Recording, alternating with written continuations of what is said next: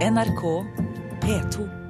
For kun en times tid siden avslo UDI den amerikanske varsleren Edward Snowdens asylsøknad på formelt grunnlag, fordi han eh, fremmet den via ambassaden i Moskva og ikke i selve Norge geografisk. Men det er sterk uenighet om denne lovtolkningen. Blant annet Amnesty International mener at det holder å søke asyl ved ambassaden.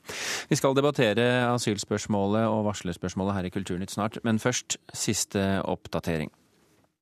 Edward Snowden har nå vært på flyplassen i Moskva i ni dager. Han har verken mulighet til å entre Russland offisielt eller fortsette på reisen sin. Snowden har tidligere jobbet for amerikansk etterretning og er siktet for spionasje etter å ha lekket opplysninger om omfattende overvåkning av telefon og datatrafikk i USA. Nå har Snowden sendt asylsøknader til 21 land, deriblant Norge.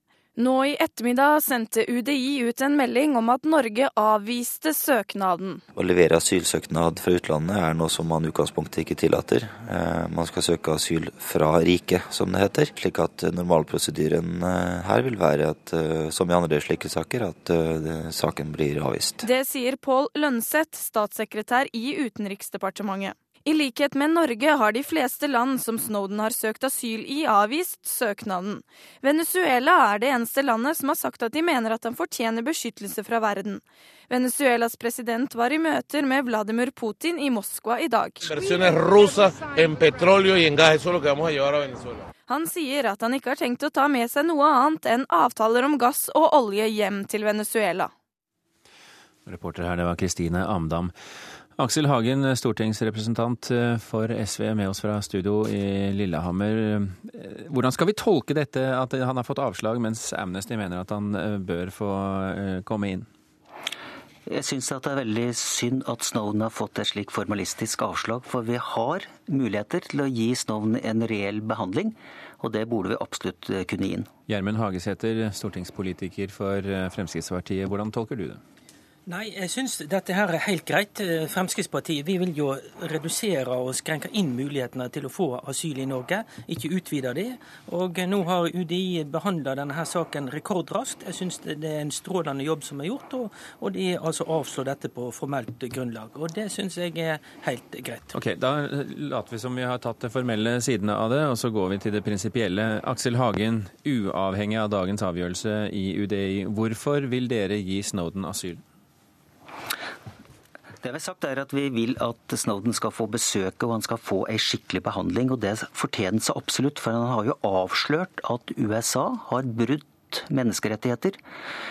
På en, på en veldig alvorlig måte. Han har knekt retten til privatliv. Og det har USA reagert veldig negativt på, eller feil på, i den forstand at stedet for å takke Snowden for å påpeke at systemet deres ikke fungerer, så har de nå sagt at de skal stille den for retten etter spionasjeloven.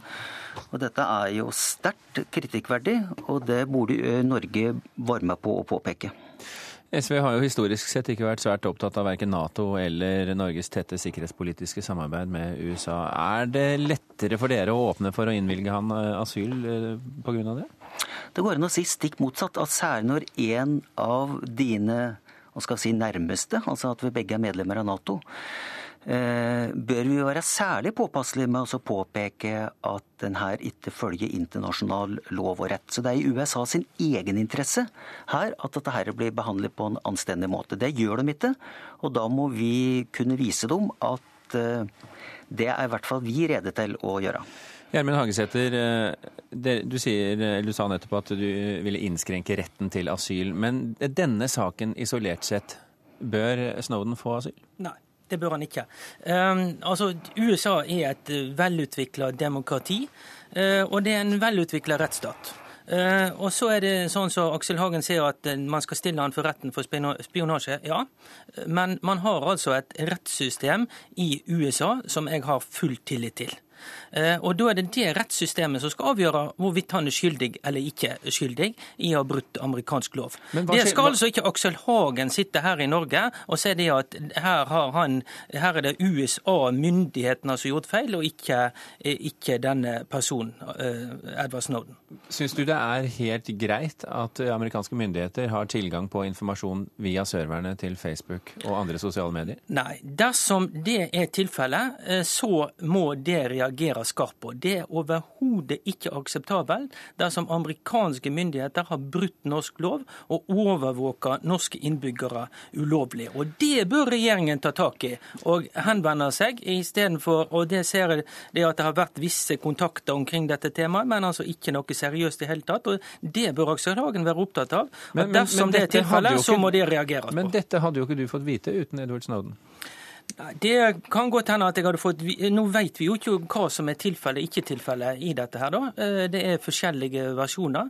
og Derfor så eh, tror jeg det kunne vært interessant på mange måter dersom man hadde blitt stilt for retten, og der man hadde fått dette eh, åpent fram i en, en åpen rettsprosess. Men Hagesæter, Har ikke du lagt merke til at Snowden har blitt så til grader forhåndsdømt av veldig sentrale ledende personer i USA? Har ikke du òg lagt merke til hvordan USA og rettssystemet behandler skylde Bradley Manning i sin tid, denne soldaten som lekket til Wikileaks. Måten han ble behandlet på i varetekt, måten han ble behandlet på rettssystemet, er jo absolutt brudd på både amerikansk lovgivning og internasjonal lovgivning. Nei, jeg syns ikke det. Altså det er, selvfølgelig så kan man alltid si at noen er forhåndsdømt i media og sånne ting. Det, det skjer også i, i, Norge. Og det er selvfølgelig ikke bra eh, i, dersom det kan påvirke rettsprosessen. Men jeg vil bare understreke at USA har et velutvikla rettssystem. Og jeg har full tillit til det amerikanske rettssystemet.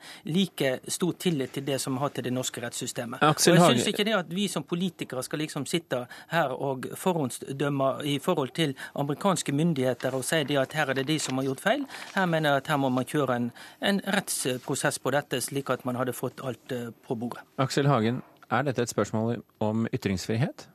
Dette er absolutt et spørsmål om ytrings, eh, ytringsfrihet. Og det er all grunn til å tro at eh, Snowden har avslørt at USA bryter med retten til å ytre seg på en, på en fri måte, og som sagt, måten de har reagert på lenge før en eventuell rettssak har kommet i gang, tyder på at den ikke vil få en skikkelig behandling. Men ytringsfriheten har da også sine skranker, har den ikke det? Ja, og overvåkning er vi alle tilhenger av. Men når Snowden så til grader prisverdig har avslørt at her skjer det en overvåking i strid med både amerikanere sitt eget, eh, sine egne lover og regler, men ikke minst internasjonale lover og regler, ikke minst menneskerettighetserklæringen, så er det vår plikt, alle sammen, å bli med på at det blir avslørt, og at vi sikrer at slik praksis ikke blir utviklet videre. Hageseth. Ja, altså, det er jo ikke noe nytt at SV og Aksel Hagen de ønsker å åpne dørene vidåpne for hele verden, for alle sammen som har en grunn til det, eh, å, å søke å få asyl i Norge. Slik at det er ikke noe noe ukjent i det. Og det er mange land som man kan selvfølgelig stille spørsmål Men dere er jo også en sterk tilhenger av å forsvare av ytringsfriheten? Ja, da, ytringsfriheten. Og det jeg mener, det skal man altså ta opp med amerikanske myndigheter. Men her er det altså at på et formelt grunnlag så har han altså ikke Så har han fått avslått denne søknaden om asyl mm. i Norge, og det syns vi er helt greit. Og dette er altså en god avgjørelse som regjeringen, som Aksel Hagen er en del av, står bak. Og da syns jeg det er underlig da at Aksel Hagen går ut mot egen regjering når de endelig har gjort noe riktig. Nå, det nå, nå skal vi ta og runde av denne lille sesjonen. Aksen, Aksel Hagen og Gjermund Hagesæter, bli gjerne sittende. Vi har eh, en gjest til med oss i Kulturnytt. Inger Bensrud, journalist og kommentator i Dagbladet. Velkommen. Bensrud, hva kjennetegner spillet rundt Snowden? Jeg syns det er et lærestykke i hvordan en viktig stat, USA i dette tilfellet, eh, bruker sine krefter og sine økonomiske muskler til å presse andre land til å ikke ta imot en varsler som trenger asyl. Er det derfor det er så få som er villige til å støtte Edward Snowden? Eller er det at de, at de kanskje tenker at han strengt tatt ikke har en god sak? Eh, jeg tror det handler om ytre press. Det handler om press fra USA. Det jo, har jo lenge vært snakk om at han skulle få asyl i Ecuador, i Venezuela. Og grunnen til at Ecuador f.eks. nå har trukket seg, det er at de har eh, fått beskjed om at dette påvirker eh, handelsavtalen med USA. De mister sin begunstigede posisjon som en slags straff for at de eventuelt gir ham asyl. Hva, hva tror du er årsaken til at denne type varslere har dukket opp i større grad de siste årene? Jeg tror det er en nødvendighet. Altså Etter at USA ble angrepet i 2001, eh, såkalte 9-11, så ble det jo innført noe som heter The Patriot Act, som ga eh, fullmakter til ganske fundamental overvåking av det som kunne være potensielle fiender. Og nå har vi sett at det har rammet mange flere enn potensielle fiender. Har, systemet har løpt helt løpsk, tror jeg. Og det er blitt satt ut, hele etterretningen i USA blir satt ut til underleverandører. Der det sies at det er så mange som 1,4 millioner amerikanere som har sånn top secret-klarering. Og det er veldig, veldig mange som sitter på mange hemmeligheter. Og, og jeg tror at inniblant der så finnes det mennesker som ser at dette bærer galt av sted for et demokrati, og derfor får du idealister som varsler. Hvor viktig er Edward Snowden? Jeg syns han er veldig viktig. Han er eh, nesten Jeg tror han kommer til å bli en like historisk person som Daniel Ellsberg i sin tid var, da han eh, lekket Pentagon-papirene. Hvem, når var dette? Det var på, tidlig på 70-tallet. 71 eller noe sånt, tror jeg. Ja. Eh, vi har jo andre som har blitt sett på som medsammensvorne, bl.a. The Guardian-journalisten Glenn Greenwald, som var den første til å, å slippe Snowdens lekkasjer. Hvorfor anklages journalistene i dette stykket? Fordi de er et nødvendig eh, redskap i varslingssituasjonen. Altså Varsleren er på en måte yrkesutøveren som sitter og har tilgang på informasjonen. Den informasjonen har bare verdi når den kommer ut i et medium som kan på en måte kontrollere den, og som kan bearbeide informasjonen, og som kan formidle den til et bredere publikum på en ordentlig måte. Så du kan si at varsleren er på en måte avhengig av journalisten for å få budskapet ut. I dette tilfellet så er journalisten blitt uh, mistenkeliggjort, særlig i, også i amerikansk press som en slags medsammensvoren, fordi at han rett og slett er pianisten. Man skyter på pianisten i dette tilfellet også. Inger Bensrud, tusen hjertelig takk for at du kunne være med i Kulturnytt. Hør flere podkaster på nrk.no podkast.